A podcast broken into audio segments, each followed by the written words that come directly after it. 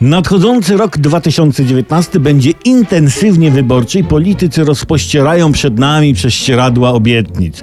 Gdyby te wszystkie obietnice spełnić, potrzebna by była dwukrotność budżetu świata. Oni się licytują jak oszalali, obiecują prawdziwe gruszki na kiju. Jak jedna partia obieca 630 plus na każde ciężkie dziecko, plus dopłatę do mycia kominów fabrycznych, to druga nie chce być gorsza i obiecuje podwe- obniżkę podatków i harmonijkę ustną dla co trzeciego dziecka poniżej 40 roku życia. Trzecia usiłuje przebić te dwie i deklaruje, że jak wygra, to wprowadzi dopłaty do benzyny w postaci półsłoika chińskiego miodu za każde zatankowane 100 litrów.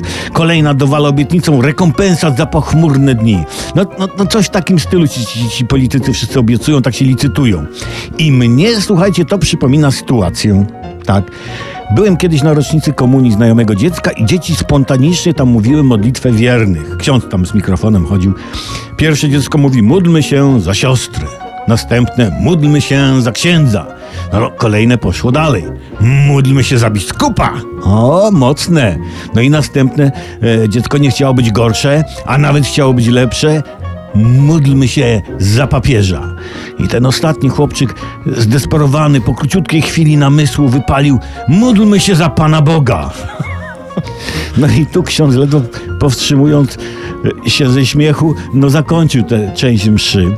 Chociaż można by i tego chłopczyka przebić, proponując modlitwę za tatę Pana Boga, prawda? No i słuchajcie, w przypadku dzieci taka licytacja jest, jest urocza, prawda? Urocza jest. W przypadku polityków no jest dzbanowata.